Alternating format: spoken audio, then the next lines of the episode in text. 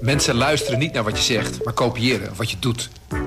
Onze vitaliteitsexpert Martin Hersman helpt je te focussen op wat echt belangrijk is. Beluister en bekijk Martin of een van onze andere experts op businesswise.nl. Businesswise, het nieuwe platform voor iedereen met ambitie. Welkom bij Wijsneuzen de Verkiezingen. De wekelijkse podcast van Trouw voor alle kiezers die niet kunnen wachten om te gaan stemmen. Al was het maar om niet nog een debat tussen Rutte, Rutte en Wilders te hoeven meemaken. In de achtste en laatste aflevering voor de verkiezingen kijken we naar de campagnes tot nog toe. Van afstand lijkt ze saai. De peilingen laten weinig beweging zien. De lijsttrekkers weten er geen echte strijd van te maken. De coronapremier lijkt onaantastbaar. Maar klopt dat wel? Kunnen we ons met Wopke Hoekstra afvragen. En kunnen we niet blij zijn met verkiezingen met minder kakelende haantjes? Daarover praten we met Julia Wouters, politicoloog, publicist en gewezen spindokter. En met Bart Zuidervaart, chef van de politieke redactie. Mijn naam is Frits Nexter en tegenover mij zit zoals altijd Menno Huurkamp. Welkom allemaal. Menno, ehm, veel mensen mopperen over deze verkiezingen. Dat gaan wij natuurlijk ook doen. Tuurlijk. We gaan onze bijdrage leveren. Maar misschien zullen we met iets positiefs beginnen. Ben je ergens aangenaam door getroffen in deze campagnetijd? Ja, door het feit dat je, je ziet plotseling eh, weer dat politiek echt een vak is. Een vak dat je moet kunnen. En je ziet dat journalistiek ook een vak is dat je moet kunnen. En, en eigenlijk die beide vakken worden weer een beetje in ere hersteld. Kun je daar twee voorbeelden van noemen? Zowel van de politiek als nou, van kijk, de ik wil, ik wil eigenlijk even uitstappen naar Weber. Niet naar, de uitvinder, nee. niet naar de uitvinder van de barbecue, maar de Duitse socioloog. Ehm, en die schreef een mooi klein essay over politiek als beroep. En dat Frits Bolkestein haalde dat vroeger altijd graag aan. En dan met het zinnetje: politiek is langzaam boren in hard hout. Maar Max Weber was natuurlijk een intellectueel die nog nooit een boor had vastgehouden. Want als je in hard hout wil boren, moet je snel boren. Waar het meer om gaat, is dat hij in dat essay liet zien dat goede politici. die kunnen verantwoordelijkheidsgevoel koppelen aan idealisme. Maar op zo'n manier dat bij henzelf altijd het verstand de baas blijft. En je ziet dat, dat dat vergt oefening, dat vergt training. En je ziet dat de, van die nieuwe lijsttrekkers, Bloemen kan zich eigenlijk best wel handhaven. Dat doet ze eigenlijk best wel goed. Die is door de wol geverfd in dat politieke spel. Een veteraan. Kaag is ook eigenlijk al door de wol geverfd in dat spel. Die, die, die, die kan zich handhaven, ondanks dat ze voor de eerste lijsttrekker is. Maar Hoekstra, die daar eigenlijk een beetje zo ingedwarreld is de afgelopen maanden. En die niet in het, die zichzelf misschien een hele coole bestuurder vond.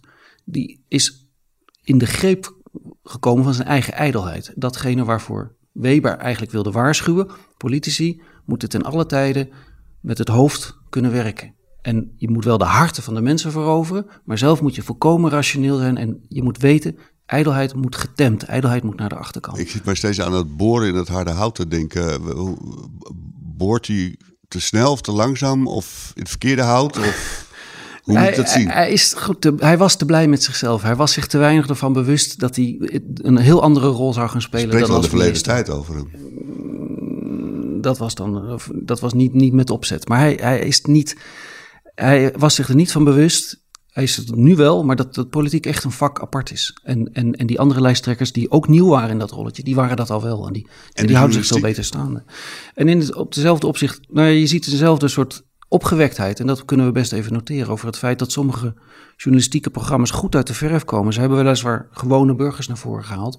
Maar het zijn wel bijvoorbeeld de mensen van Nieuwsuur die die gewone burgers echt inbedden in een journalistiek fel onderbouwde aanval op die politici. Om het even van wat voor, dus om het even van welke partij ze zijn. Ze worden stevig aangepakt, hard aangepakt. Er is veel, op, er is veel opgewektheid over. Ja, dat is toch een beetje ook eerherstel voor dat vak. Blijkbaar waren we dat vergeten, dat, dat journalisten dat ook kunnen en mogen doen. Ja.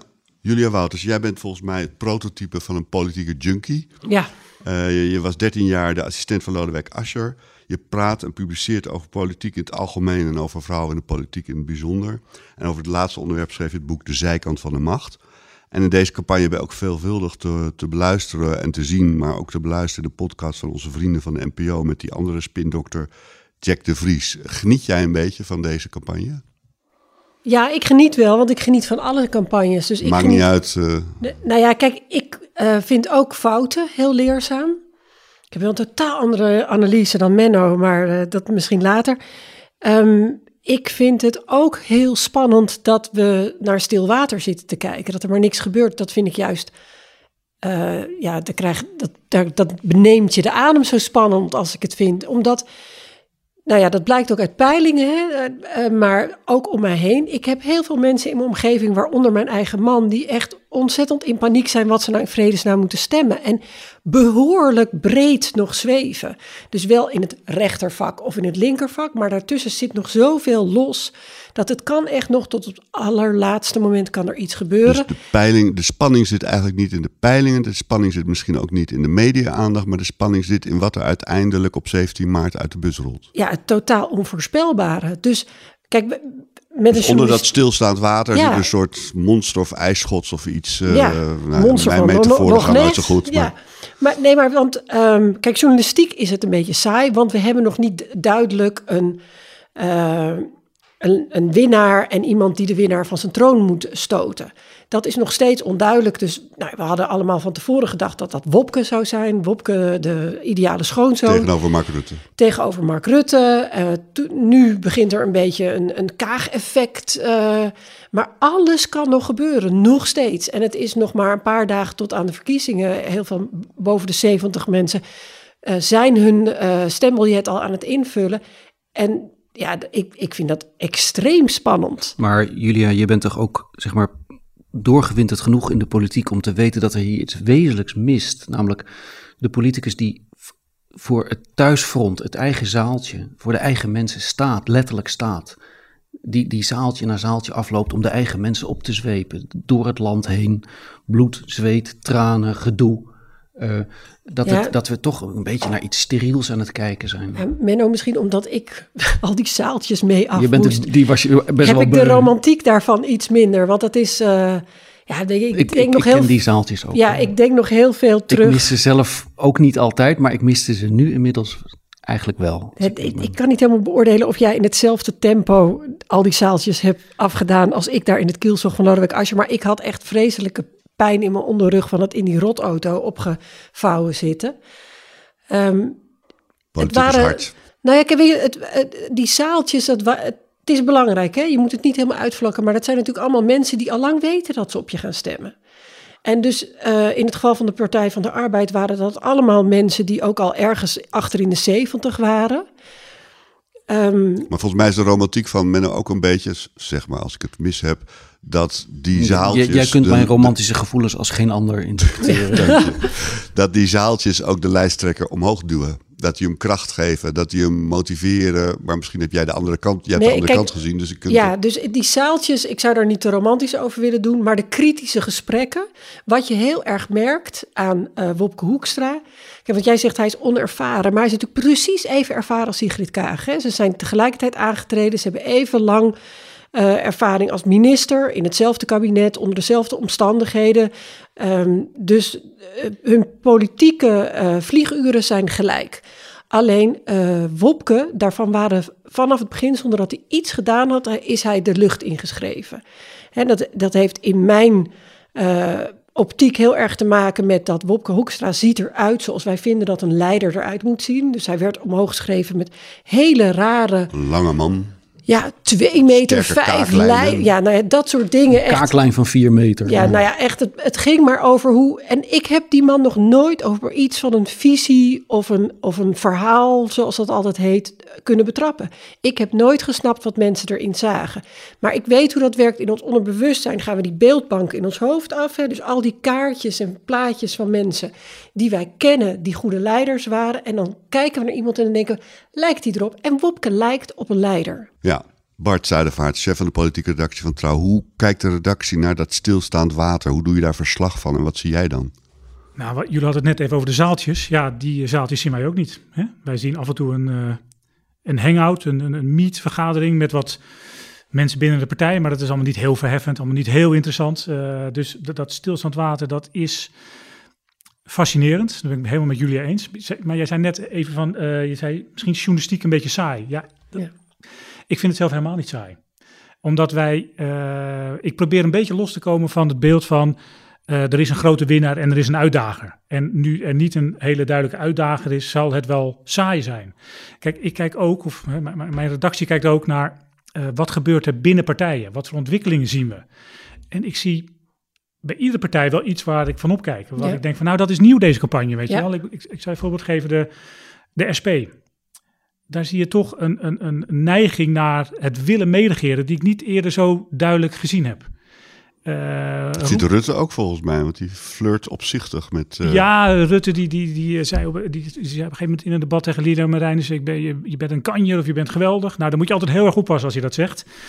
Eh, dus ik weet niet... Dan weet je dat je volgend jaar tien zetels lichter bent. Ja, je, je wordt ondersteboven gehouden en leeggeschud op zo'n moment. Maar ehm, ja, dus kijk, Rutte zit in een positie dat hij ervan uitgaat of hoopt dat hij riant gaat winnen. Dan heb je een tijd niks. En dan heb je een speelveld met misschien wat kleinere partijen. Dus hij heeft natuurlijk niet de luxe om te zeggen van... ik vind jou niks en ik vind jou geweldig. Op dit moment eh, wil hij iedereen meer of meer te vriend houden. Hè. Hij heeft natuurlijk, eh, komt misschien straks voor een hele lastige formatie te staan. Dus hij gaat de SP absoluut niet afwijzen. Maar je ziet binnen die, die, die eh, Lilian Marijnissen, die noemt al een naam van de mogelijke minister van Volksgezondheid. Nou ja, dat vind ik interessante ontwikkelingen. Dat is nieuw, hè? want dat hebben ze inderdaad de afgelopen twintig jaar... reageerden ze natuurlijk als door adders gebeten... wanneer je SP'ers vroeg. Ze moesten niets van de VVD hebben. En nu eh, zet Maar ze goed, je- dus jij kijkt naar het water en je ziet daaronder wel degelijk ook allerlei, net als Julia, wel spannende dingen gebeuren, ook binnen Ja. partijen. Maar tegelijkertijd moet je ook vaststellen dat er nog niemand in is geslaagd om, om Rutte ook maar één moment in de problemen te krijgen. Er zijn geen grote momenten tot nog toe geweest. Of je moet de, kaagbaan van Wilders noemen, waar je zegt, nou, daar is nou een one-liner waardoor we het gevoel hebben dat er iets verandert, wat ook in de peilingen zijn weerslag geeft. In die zin zijn toch best wel, is het toch best wel saai. Als jij je blind staart op wie wordt er straks premier, dan is het tot- Nee. in ieder geval tot dit moment tikje saai. En als je kijkt naar wie, eh, Julia, wie bijvoorbeeld aan de linkerzijde zich het beste profileert ten opzichte van anderen. Want ik heb het gevoel, dat bleek ook wel uit een artikel deze week, of het onderzoek deze week in Trouw, dat aan de rechterzijde zeg maar, de kaarten onder de kiezers wel zo'n beetje geschud zijn.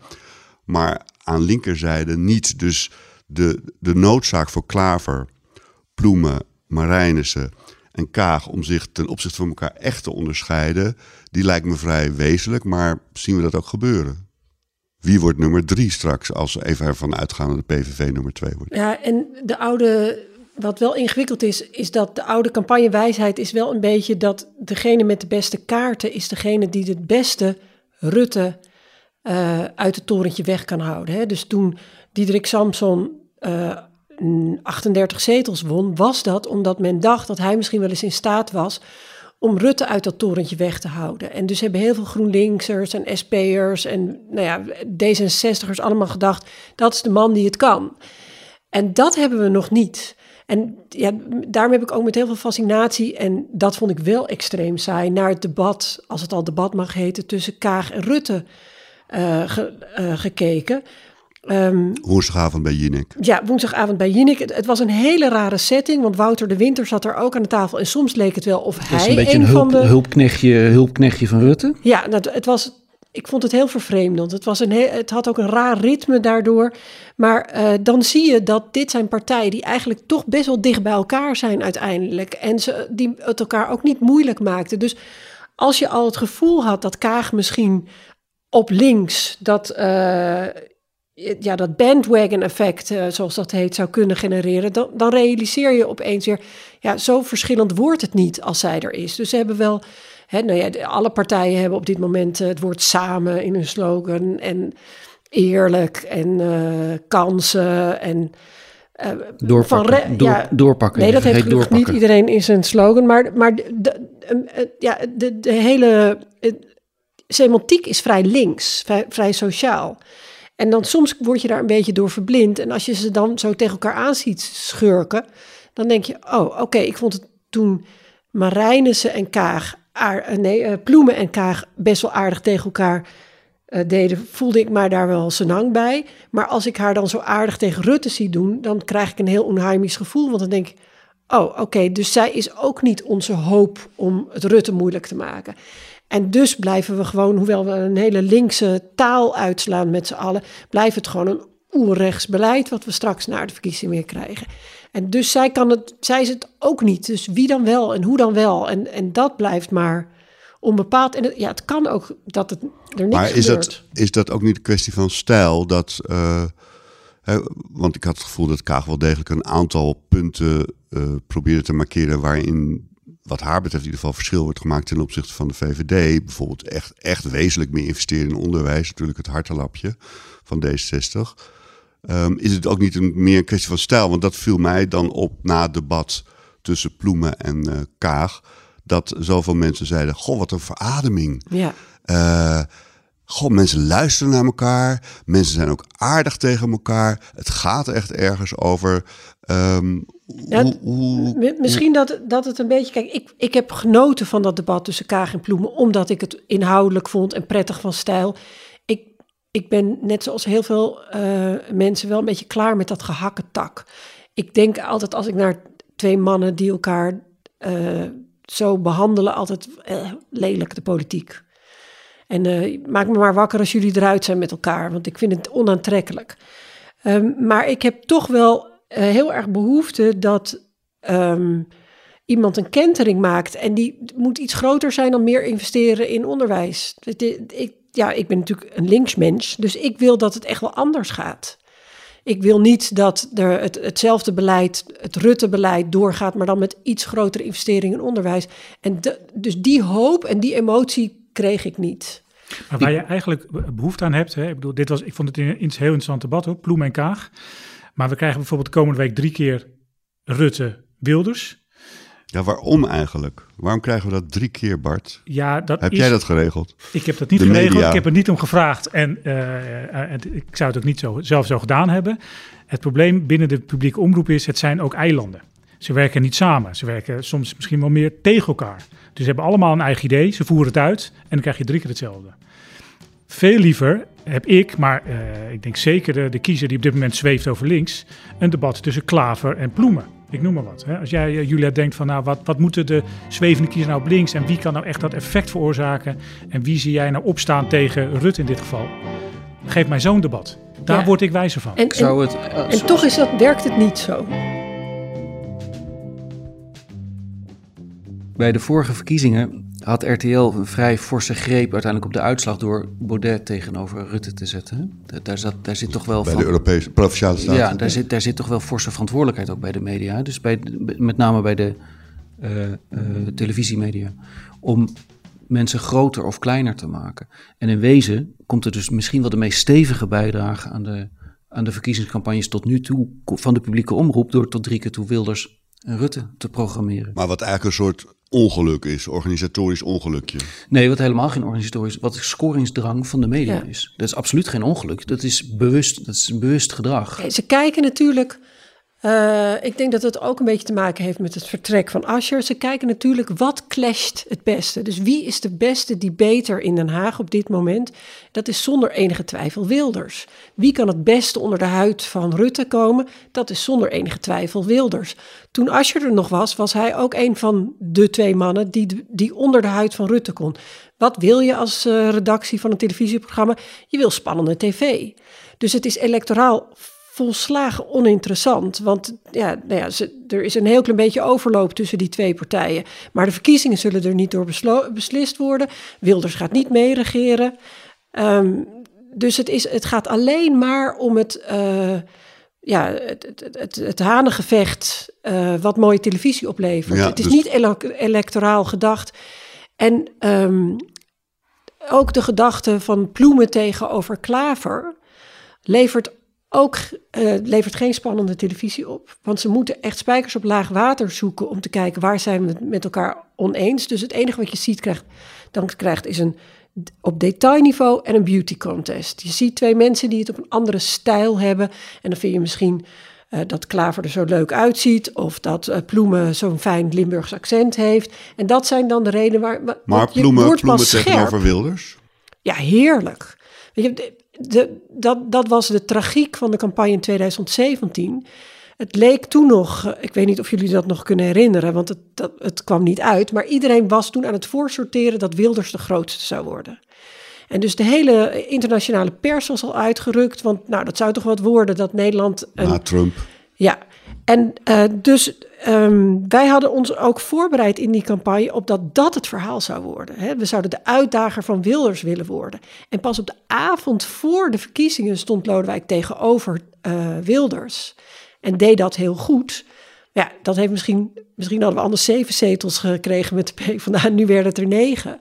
Maar dat wil je. Je wil degene tegenover degene waar je ideologisch het verst van afstaan. Daar wil je, omdat je dan kan shinen. Dan kan je echt zeggen, dat zag je ook met uh, Klaver tegenover Hoekstra. Dan kan je even laten zien waar je hmm. voor staat. Hmm. Maar en, toch snap ik het niet helemaal, omdat je eerst zegt van uh, de omroepen of de media of de redacties die die debatten organiseerden, die willen eigenlijk een maximale uh, confrontatie, maximale spanning. Dan was de keuze voor Ploemen Wilders, Ploemen Rutte had misschien nog wel meer voor de hand gelegen dan Rutte Wilders. Ja, maar deze besluiten zijn allemaal vrij vroeg gemaakt. Er wordt enorm over onderhandeld. Wilders kent de kunst van schaarste heel goed. Dus iedereen is altijd bang dat hij afzegt zegt en wil heel graag dat Wilders in hun programma komt. Want hij is onvoorspelbaar en hij, nou ja, hij, hij doet niet aan veel debatten mee. Dus iedereen trekt aan hem, dus hij heeft het voor het uitkiezen. En hij wil tegenover uh, Rutte. En dus Rutte zegt hij nee tegen nieuwshuur. Ja, en, en, Rutte heeft er niks bij te verliezen. Dus die, weet je, als het aan Rutte lag, deden we helemaal geen campagne. Deed hij gewoon zijn week of zijn twee wekelijks persconferentie en won hij Ja, nee, nee, nee, nee, nee. Maar kijk, hij, heeft zich, hij manifesteert zich uitdrukkelijk in competitie met Wilders ook. Het hele programma is natuurlijk ook echt geschreven in competitie om de kiezer die nu naar de PVV gelopen is. Want uiteindelijk zijn PVV-stemmers overwegend ex-VVD-stemmers. Wilders is ook een ex-VVD'er. Tenzij ik me enorm vergis, heeft Rutte zich echt een doel gesteld om zoveel mogelijk stemmen daar toch weer weg te halen. Anders is hij zich de afgelopen dagen, als hij zich stevig manifesteert, is het met eigen volk eerst, grenzen dicht, uh, migranten, doe maar in Griekenland, doe maar in Turkije, overal als het maar niet bij ons is. Um, en dat is niet in competitie met links. Dat is ja, maar Rutte heeft hier ook ja tegen gezegd. Ik bedoel alleen maar, het is, hij, hij kan uh, wel er minder op verliezen, maar heeft er niet zoveel. Het is niet zo'n echte uh, electorale clash. Dus ja, hij doet gewoon altijd, hè, dat doet hij elke keer in de campagne. Dan zegt hij dat hij liever heeft dat uh, een Syriëganger dood is dan dat hij terugkomt. Weet jij weet precies wat hij dan even moet zeggen. Nu gaan we de grenzen sluiten volgende keer dat er een vluchtelingenstroom komt. Hij markeert even zijn rechtse kadertje.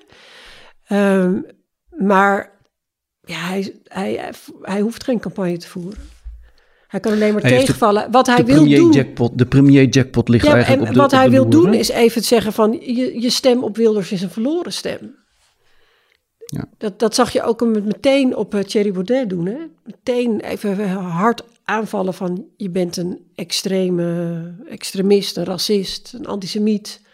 Je bent not for real, je bent niet serieus te nemen. Dat... Bart, Um, wij hebben ontzettend, Trouw heeft ontzettend het best gedaan om met allerlei interessante inhoudelijke thema's te komen. En wij als wijsneuzen zijn er braaf uh, ook in meegegaan. Uh, migratie en uh, klimaat, wonen, en wonen. en zorg en ongelijkheid. Ehm, maar gingen de verkiezingen daar ook eigenlijk over? Of? Nou, het is geprobeerd door sommige lijsttrekkers. Maar over het algeheel merk je toch wel, er ligt echt een deken van corona over die campagne. Dus corona beheerst alles. Uh, het, is raar, want we hebben het niet inhoudelijke debatten over het coronabeleid bijvoorbeeld. Nou ja, we hebben heel veel kamerdebatten over coronabeleid. Uh, Deze week nog. En, en, dat is natuurlijk de plek waar even dat, dat grote onderwerp moet worden besproken. Maar daarnaast hebben we allemaal uh, lijsttrekkersdebatten. En dat gaat linksom of rechtsom toch gewoon over wie, vertrouw, wie geef je je vertrouwen, wie is hier in staat om een land door zo'n crisis heen te leiden.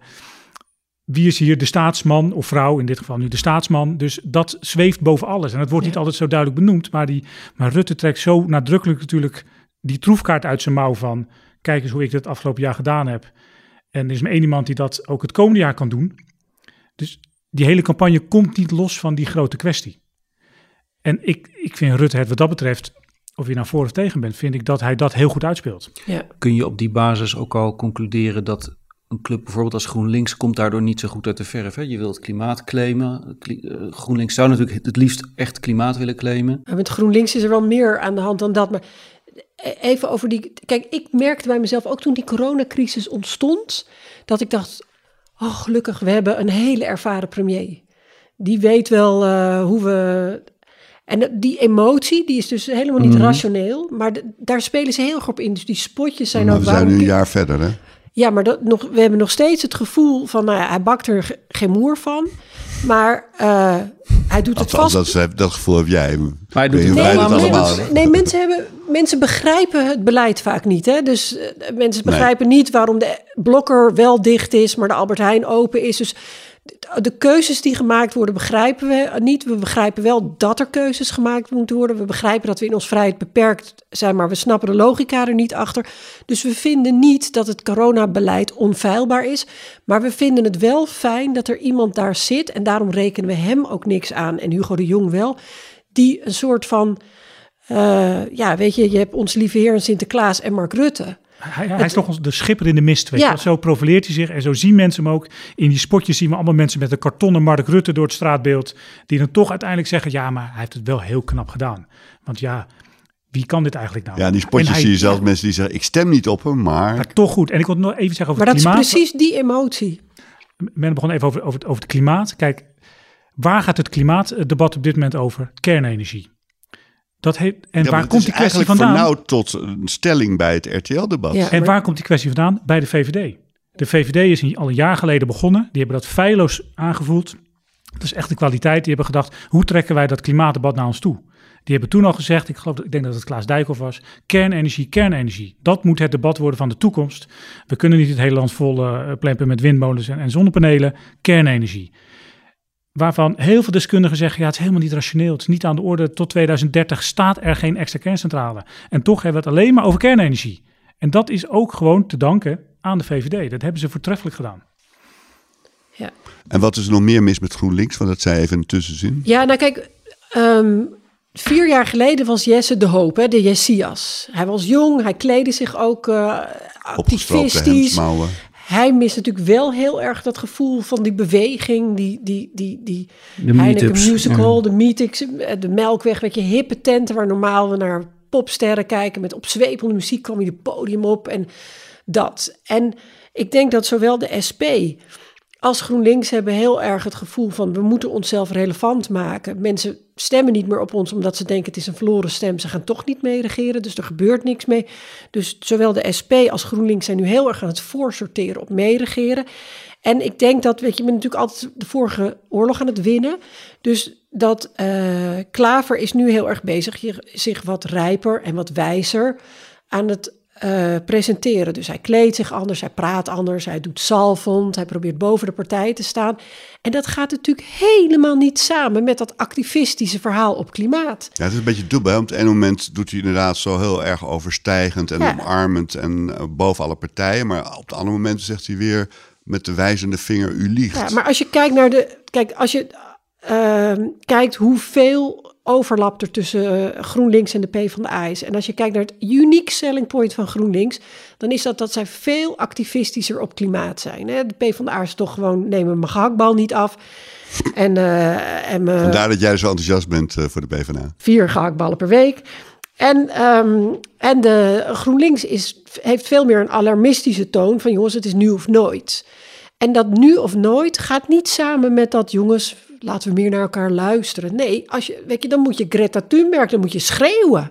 Dan moet je zeggen, jullie, jullie, vernietigen de wereld. Maar En- Julia, ik denk wel dat als, straks, als we straks over een paar weken terugkijken op deze campagne, dat het moment waarop Jesse Klaver aan Hoekstra nog even zijn eigen verkiezingsprogramma uitlegt, dat dat toch nog wel, dat gaat wel beklijven. Maar Jesse is een. Jesse. Klaver is een hele goed, eh, heel goed politicus. Het is alleen. ehm, ja, hij is heel gevoelig. En hij heeft waarschijnlijk een team om zich heen die heel erg strategisch nadenken. En soms, als je heel erg doordraaft in strategie, gaat het hartstikke goed.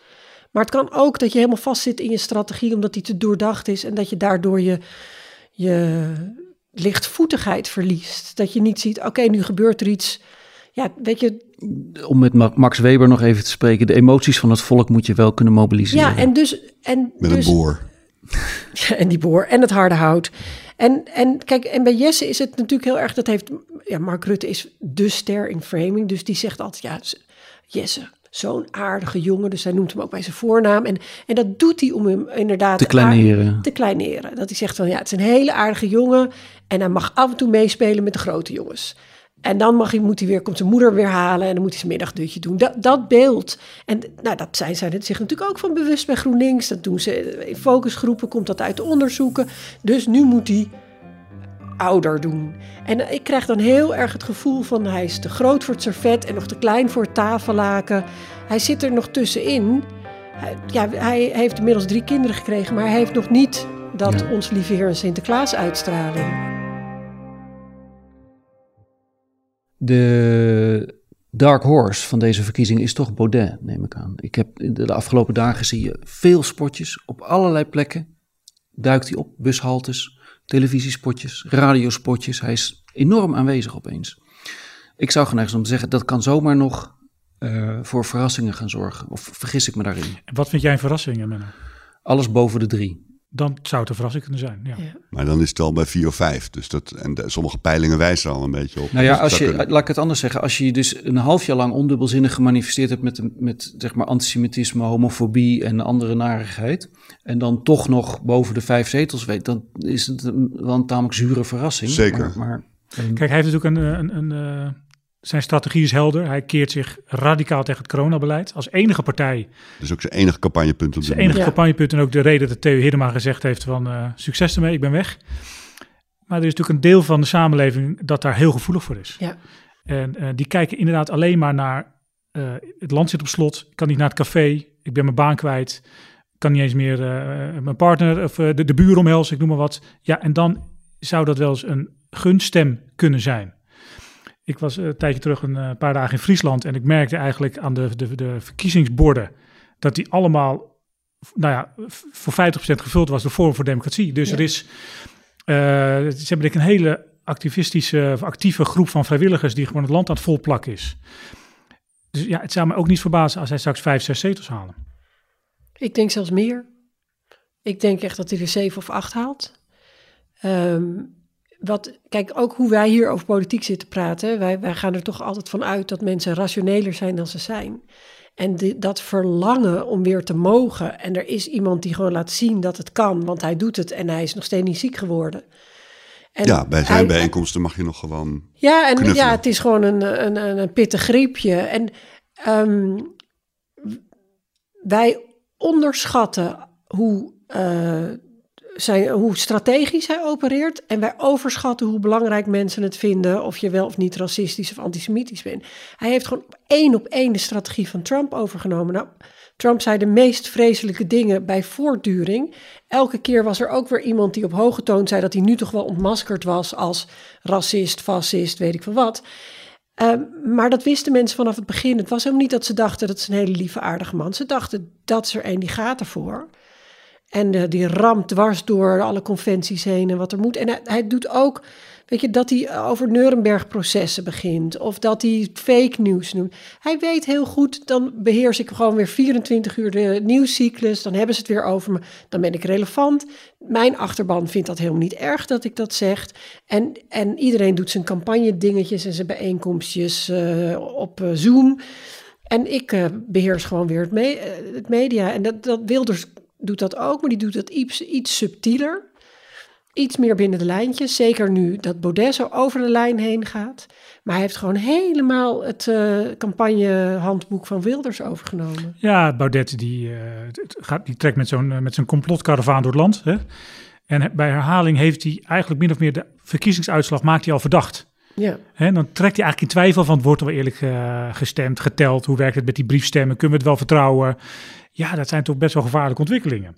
Ja, moet Maar- niet leiden tot een bestorming van het Tweede Kamergebouw. Nee, dat zie ik niet zo heel snel gebeuren. Maar je kweekt wel een beetje het sentiment van... eh, wat doen die hoogheren in Den Haag allemaal wel? Weet je wel, deugt het wel? En, Ja. en Nou, is de wappies natuurlijk enorm aan het opstoken. En die staan wel voor de Tweede Kamer te demonstreren en Kamerleden ik. Ja. Maar lastig trekt- te vallen. Dus mobiliseert hij mensen ten koste van Wilders? Of mobiliseert hij mensen die naar, naar jullie waarneming anders niet zouden zijn gaan stemmen? Waar komen deze mensen vandaan? Hè, dus de- als jij zegt acht zetels, zijn dat, het- zijn dat zetels van Wilders of zijn dat luidjes die anders thuis blijven? dat zijn en luidjes die anders thuis blijven. En mensen die gewoon eh, de wanhoop nabij zijn. Dus al dat rationele praten over eh, maatregelen. Hoe heerlijk is het iemand die zegt het is allemaal onzin. We worden klein gehouden. Als, ja, hij doet dat ook fenomenaal. Elke keer dat er weer een bewindspersoon een regel heeft overtreden of een Kamerlid, dan zet hij dat op Instagram en zegt: Wil je ook schaatsen net als Wopke? Stem dan op mij. Ja. Wil je ook gewoon winkelen zonder mondkapje? Stem op mij.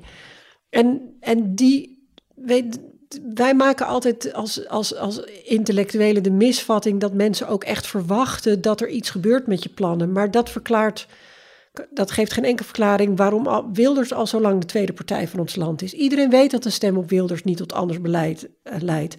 Maar gewoon een beetje aan die poorten rammen. Maar Dat dat, ga ik, dat ga ik even actief bestrijden. Eh, Wilders heeft natuurlijk massieve invloed gehad de afgelopen twintig jaar. Dus de, de- de- Ja. het, het, het, het politieke debat, de politieke programma's, het regeringsbeleid is echt substantieel op allerlei terreinen naar rechts verschoven, mede onder druk van Wilders. Dus is tijdens tien jaar ministerschap, minister-presidentschap van Rutte, is er op de vleugel rechts van de VVD zijn er allemaal nieuwe partijen ontstaan.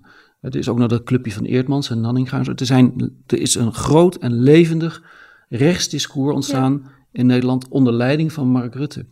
Dus als er iemand invloed heeft gehad in Nederland, is het niet Rutte geweest, maar dan is het Wilders geweest de afgelopen tien jaar. Ik denk dat, ik denk dat de invloed van Wilders groter is geweest dan de invloed van Rutte. Als je gewoon gaat meten in wiens programma er meer uitgevoerd is, dan is dat dat van Wilders, niet dat van Rutte. Dus, Ja. dus dat ben ik echt helemaal niet met je eens. Nou, maar dat is helemaal niet in tegenspraak wat ik zeg. Mensen verwachten niet dat hij gaat meeregeren. Ze willen gewoon dat hij daar staat te rammen. Weet je, hetzelfde zie je natuurlijk aan de hele andere eh, kant van het spectrum bij de Partij voor de Dieren. Ja, Onvergelijkbaar in grootte, maar wel hetzelfde idee.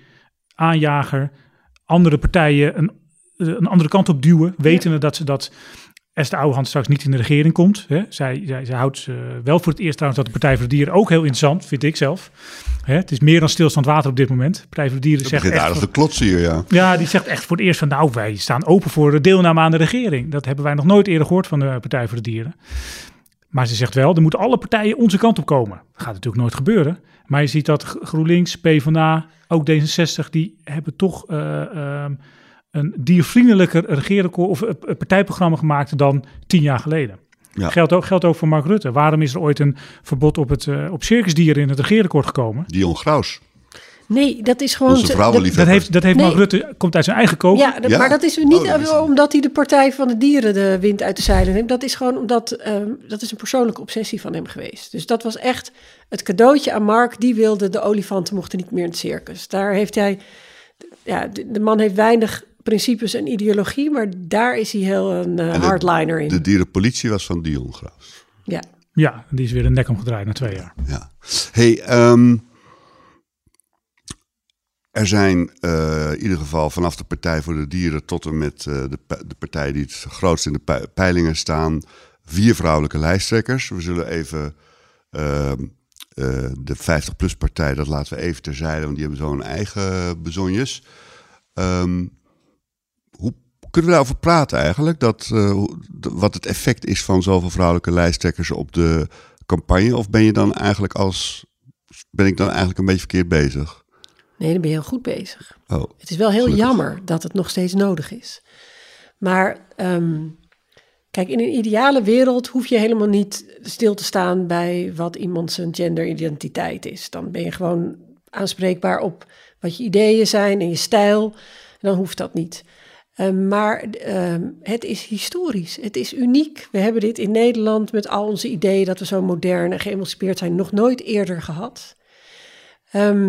En we hebben ook nog nooit eerder gehad dat in het eh, debat eh, onderwerpen hoog op de agenda staan en besproken worden die eh, betrekking hebben op vrouw zijn. Dat is nog nooit eerder in mijn actieve herinnering gebeurd. wat voor onderwerpen zijn dat? Ehm, seksisme over vrouwen, tot nu toe is toch heel erg de morris een beetje geweest dat je als vrouw natuurlijk mee mocht doen in het politieke spel, maar dat je je niet moest zeuren. Dus als je niet tegen uh, opmerkingjes kon, dan had je geen gevoel voor humor of dan was je slachtoffer.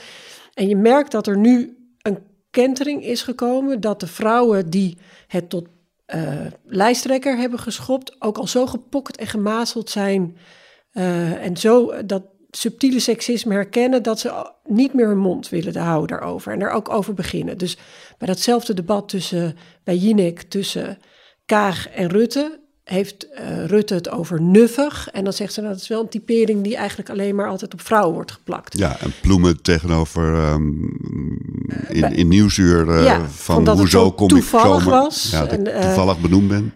Dat is, dat is misschien dat het in de jaren tachtig gebeurde, hè, toen de vrouwen die in de politiek zaten ook echt uit de vrouwenbeweging kwamen en dus met een feministische agenda de politiek ingingen. Maar nu zijn het de lijsttrekkers die seksisme adresseren. Wat je ook ziet is bijvoorbeeld in het uh, Volkskrant interview met Kagen, dat hadden ze aan iedereen stellen ze dezelfde vraag, behalve aan Rutte. Wat is het eerste wat je doet als je de sleutels van het torentje krijgt? Haar antwoord was, nou, kopje koffie drinken en dan de kinderopvang gratis maken. Het is heel jammer dat kinderopvang, het is natuurlijk niet dat alleen de kinderen van vrouwen naar de kinderopvang gaan, ook de kinderen van mannen gaan daarheen. En toch is kinderopvang nog steeds een onderwerp wat heel erg aan vrouwen toegedicht wordt. En dat komt ook omdat het veel meer een voorwaarde is om succesvol te kunnen zijn voor vrouwen dan voor mannen. Mannen denken we hebben de kinderopvang of mevrouw zorgt voor de kinderen. En vrouwen kunnen alleen op voorwaarde dat de kinderopvang betaalbaar en goed is. Uh, schulden, zonder schulden, dat doen. En dus dat een, een, de premiersvraag, dat zo'n antwoord krijgt, is uniek, is volledig nieuw. En wat je ook ziet, is dat er ook er gebeurt iets in de manier waarop er uh, gedebatteerd wordt. Dus de toon en de sfeer verandert. En dat is niet omdat vrouwen wezenlijk anders zijn, of dat ze genetisch of biologisch of weet ik veel wat anders in elkaar zitten. Dat is omdat we nog steeds een raar beeld hebben van wat goed leiderschap is en wat een goede vrouw is. Dus een goede leider is iemand die stoer is en besluiten durft te nemen en zijn stem verheft en met zijn vuist op tafel. Maar een goede vrouw die dat, die dat gedrag vertoont, is dus een hysterica, is een raar mens, de, de, labiel, ja, jij uh, zei dat ook naar aanleiding van het Sorry dat ik even hanig ja. uh, je onderbreek. je zei het ook naar aanleiding van het debat tussen uh, Kaag en Ploemen. Dat je zei van ja, dat, dat de, de, interviewer of degene met wie je sprak zei van ja, het is wel opmerkelijk hoe, uh, hoe die toon anders is. Ze zei ja, het is niet dat ze dat niet kunnen of willen, maar het ja. is meer dat het van hen dat zij zich niet kunnen permitteren om als, omdat je meteen als een soort bitch weggezet wordt als je ja. ook zo hanig doet. En, en dat is niet alleen een gevoel, dat is gewoon, weet je, er zijn heel veel kranten, uh, um, commentaren die als er vrouwen met elkaar een, een, inhoudelijke discussie hebben gehad en de toon wordt een beetje verhit, dan staat er kei van de wijven, bitch fight. Uh, hè, dus, dus de backlash is heel groot. En tot voor kort hadden we dus uh, Marianne Thieme of uh, Lilianne Reinissen waren de enige vrouw tussen allemaal mannen. En dan is het heel moeilijk. Want dan moet jij je dus eigenlijk toch verhouden tot de manier waarop de mannen het spel spelen. En de mannen nemen jou onbewust ook iets minder serieus. Dus je merkt vaak, ik let dan heel erg op de lichaamstaal, hè, dat die mannen zich met hun rug afwenden van de vrouw. Want jij mag zo weer, maar wij hebben even nu hier echte zaken met elkaar te doen. Dat, dat gaat onbewust, maar dat gebeurt wel. Terwijl als er meer vrouwen zijn, dan kunnen ze ook elkaar betrekken. En dan kunnen ze opeens meer vrijer gebruik maken met van... oké, okay, ja, ik laat de stropdas even maar praten en nu kom ik. Is de keerzijde niet dat ze zich dan ook slechter van elkaar... ten opzichte van elkaar kunnen profileren? Dat het minder duidelijk is wat nu eigenlijk de verschillen zijn? Nee, want wat, wat ik heel mooi vind, is dat je merkt dat dat prima kan. Dat je ook op een beschaafde toon... Uh, zonder uh, uh, ja, zo hanig te doen, ook gewoon inhoudelijke verschillen kan aanstippen. Het hoeft niet altijd op die toon van. Nou, het is toch wel tekenend dat na dat debat tussen Kaag en Ploemen de hele wereld zei: wat een verademing. Ja. ja. Wat, wat een inhoudelijk verstandig debat. Ja. Waarom, en, en waarom kunnen mannen dat niet? Dat was een beetje de, de, de ja, maar had jij dat gevoel ook? Vond jij dat ook? Ja, ik verval dan ook in die, in die vervelende reflex van... Uh, uh, hè, wat eigenlijk wel prettig om zo naar te luisteren. En, en... Ja, waarom is dat een vervelende reflex? Want het is toch ook prettig om te luisteren naar mensen... die over hun ideeën ja, en de verschillen een cliché omdat de halve wereld dan hetzelfde vindt. Maar het was inderdaad... Ja. Nou, Ja, en- tot, en- tegelijkertijd vond ik het ook gewoon als televisiekijker ook wel prettig hoor, om te zien hoe Jesse Klaver en Wopke Hoekstra met elkaar botsten. En dat, was echt een is, eh, je- verschil van dag en nacht. Hè? Tussen, tussen, Ja, maar dat heeft meer met de inhoud te maken. Want ik denk dat als eh Wopke Hoekstra een vrouw was geweest... en Liliane Ploemen daar tegenover gaan staan... Was het, was, waren de verwijten ook wat groter geworden. De inhoudelijke verschillen zijn nog groter. Het gaat er alleen om, moet het altijd op dat oppomp. eh, en, en een ander ding wat ik echt heel fascinerend vind... is wat ik zie, is dat de vrouwen... ehm, lijsttrekkers veel sneller zich vrij voelen om te zeggen dat ze iets niet weten. En maar dan eh, ideologisch overtoepen. Dus dan zeggen ze: Oké, Kaag bijvoorbeeld, ik ken dit plan niet. Maar wat voor mij belangrijk is, is dit. Ik, ik wil Dat dat. is handig. Nee, is- het, het is. eh, eh, ja, je zou kunnen zeggen het is handig. Maar mannen zitten ook gevangen in weten en doen. Van mannen verwachten dat ze op welke vraag ook altijd weten. er is ook als de, Bob Hoekstra zegt, ik heb deze cijfers niet helemaal paraat. En, en Ja, maar Dat is wel heel kunnen we het na de uitzending Ja. misschien even verder over praten. Ja, nou, maar kijk, hij heeft ook geen. Hij komt dan ook niet met. Ik heb deze cijfers niet paraat, maar voor mij staat bovenaan dat. Hij, hij, hij heeft gewoon geen idee. maar Julia, er was wel bijvoorbeeld bij de Partij van de Arbeid best wat geweld nodig voor er een vrouwelijke lijst. Die is niet spontaan gekomen, die vrouwelijke lijsttrekker. Er- er- Het is niet in één keer dat het nu allemaal roze geur en maneschijn is op dat Oh, front. maar dat, ik ben ook de laatste die dat zal beweren. Ehm, die, de vrouwelijke lijsttrekker van de Partij van de Arbeid is er alleen maar omdat de andere weg moest. Die is er Ja. niet omdat de Partij van de Arbeid zei van... oh, laten we eens een vrouwelijke lijsttrekker nemen. Nee, nee, maar ik ben ook. eh, kijk, ik ben wel heel optimistisch, maar ik denk niet dat we al in het paradijs zijn. Kijk, ik, bij de. Bij de PvdA, de, de neiging is natuurlijk de hele tijd... het wordt hoog tijd voor een vrouw als wij mannen klaar zijn. Dus het, ja, dat, dat- ik vond dat ook heel fascinerend toen eh, eh, Paul Rosemuller de voorzitter van de Eerste Kamerfractie werd. Of de fractie, toen zei ze, wordt niet tijd voor een vrouw, want jullie hebben nou Jesse Klaver en in eh, Europa zat een man en dan Paul Rosemuller. Wordt niet tijd voor een vrouw. Nou, vond het hoog tijd voor een vrouw, maar het was niet zijn schuld. En dat is natuurlijk helemaal. Nee, je hebt die term, dat ken je vast wel, de, de, het gla, de glazen klif. Hè? Dus je hebt het glazen plafond, waar het heel moeilijk is om doorheen te stoten voor vrouwen. Maar je hebt ook de glazen klif, dat als er eigenlijk niet veel te winnen valt, de omstandigheden behoorlijk slecht zijn, dan opeens eh, krijgt een vrouw de kans om het te doen. Hè, dus hoezo hebben we opeens al voor de tweede keer een vrouw als minister van Defensie, omdat het een bezuinigingspost is geworden. De, de, de status daarvan neemt af. En dan vinden we opeens dat het wel kan dat een vrouw defensie doet. En ja, dus Liliane Ploemen hebben we omdat eh, de mannen die we in de partij hadden dachten... nou, deze beurt sla ik even over, zo eh negen Maar verkiezingen. om het heel erg ja, jammer te vinden dat zij, Lilian Ploemen, eh, niet tegenover Mark Rutte Ja, eh, nog een keer gaat debatteren Heel. in een één-op-één debat. Want dan hadden we kunnen zien eh, of de charme van Mark Rutte ook zou werken. En of Lilian Ploemen zich dan zou vastbijten om het verschil duidelijk te maken tussen die twee. ja nou, ik had het heel graag gezien. Dus ik Nou, vind het heel jammer, drie keer, keer. eh, drie keer Wilders Rutte. Ja, we gaan het zien. Nou, oké, eh, het water blijkt toch minder eh, roerloos te zijn dan we dachten, gelukkig. Ehm, dank Julia Wouters, dank Bart Zuidervaart, dank luisteraars. Dit was de achtste aflevering van Wijsneuzen de verkiezingen. U kunt natuurlijk meer lezen over de laatste loodjes van de campagnes in Trouw, de krant met hart voor de mensen en ook een beetje voor politici. Volgende week, ja, volgende week, dan gaan we het natuurlijk hebben over de uitslag. Waarom hadden alle opiniepeilingen het helemaal mis? Het grote drama van Mark Rutte. Eindelijk een vrouw als premier. Gaan de mensen van Volt ook mee formeren? Is dit het einde van het populisme en de comeback van Henk Krol? En nog veel meer wat we nu nog niet kunnen voorspellen. Menno en ik blikken dan terug en vooruit met politieke redacteuren van Trouw. Reacties zijn meer dan welkom. U kunt ons mailen via wijsneus.trouw.nl. Wijsneuzen wordt gemaakt door Menno Hurekamp en Frits Ekster. Techniek Daan Hofstee. Coördinatie Trouw Joris Belgers. Muziek Jack van Ekster. Alle afleveringen van Wijsneuzen zijn te vinden op de website van Trouw en de bekende podcastadressen. En dat is de moeite waard, want we hebben het gehad over klimaat, migratie, gelijke kansen, de zorg, wonen en de plek van Nederland in de wereld. Diepgravend. Ga stemmen.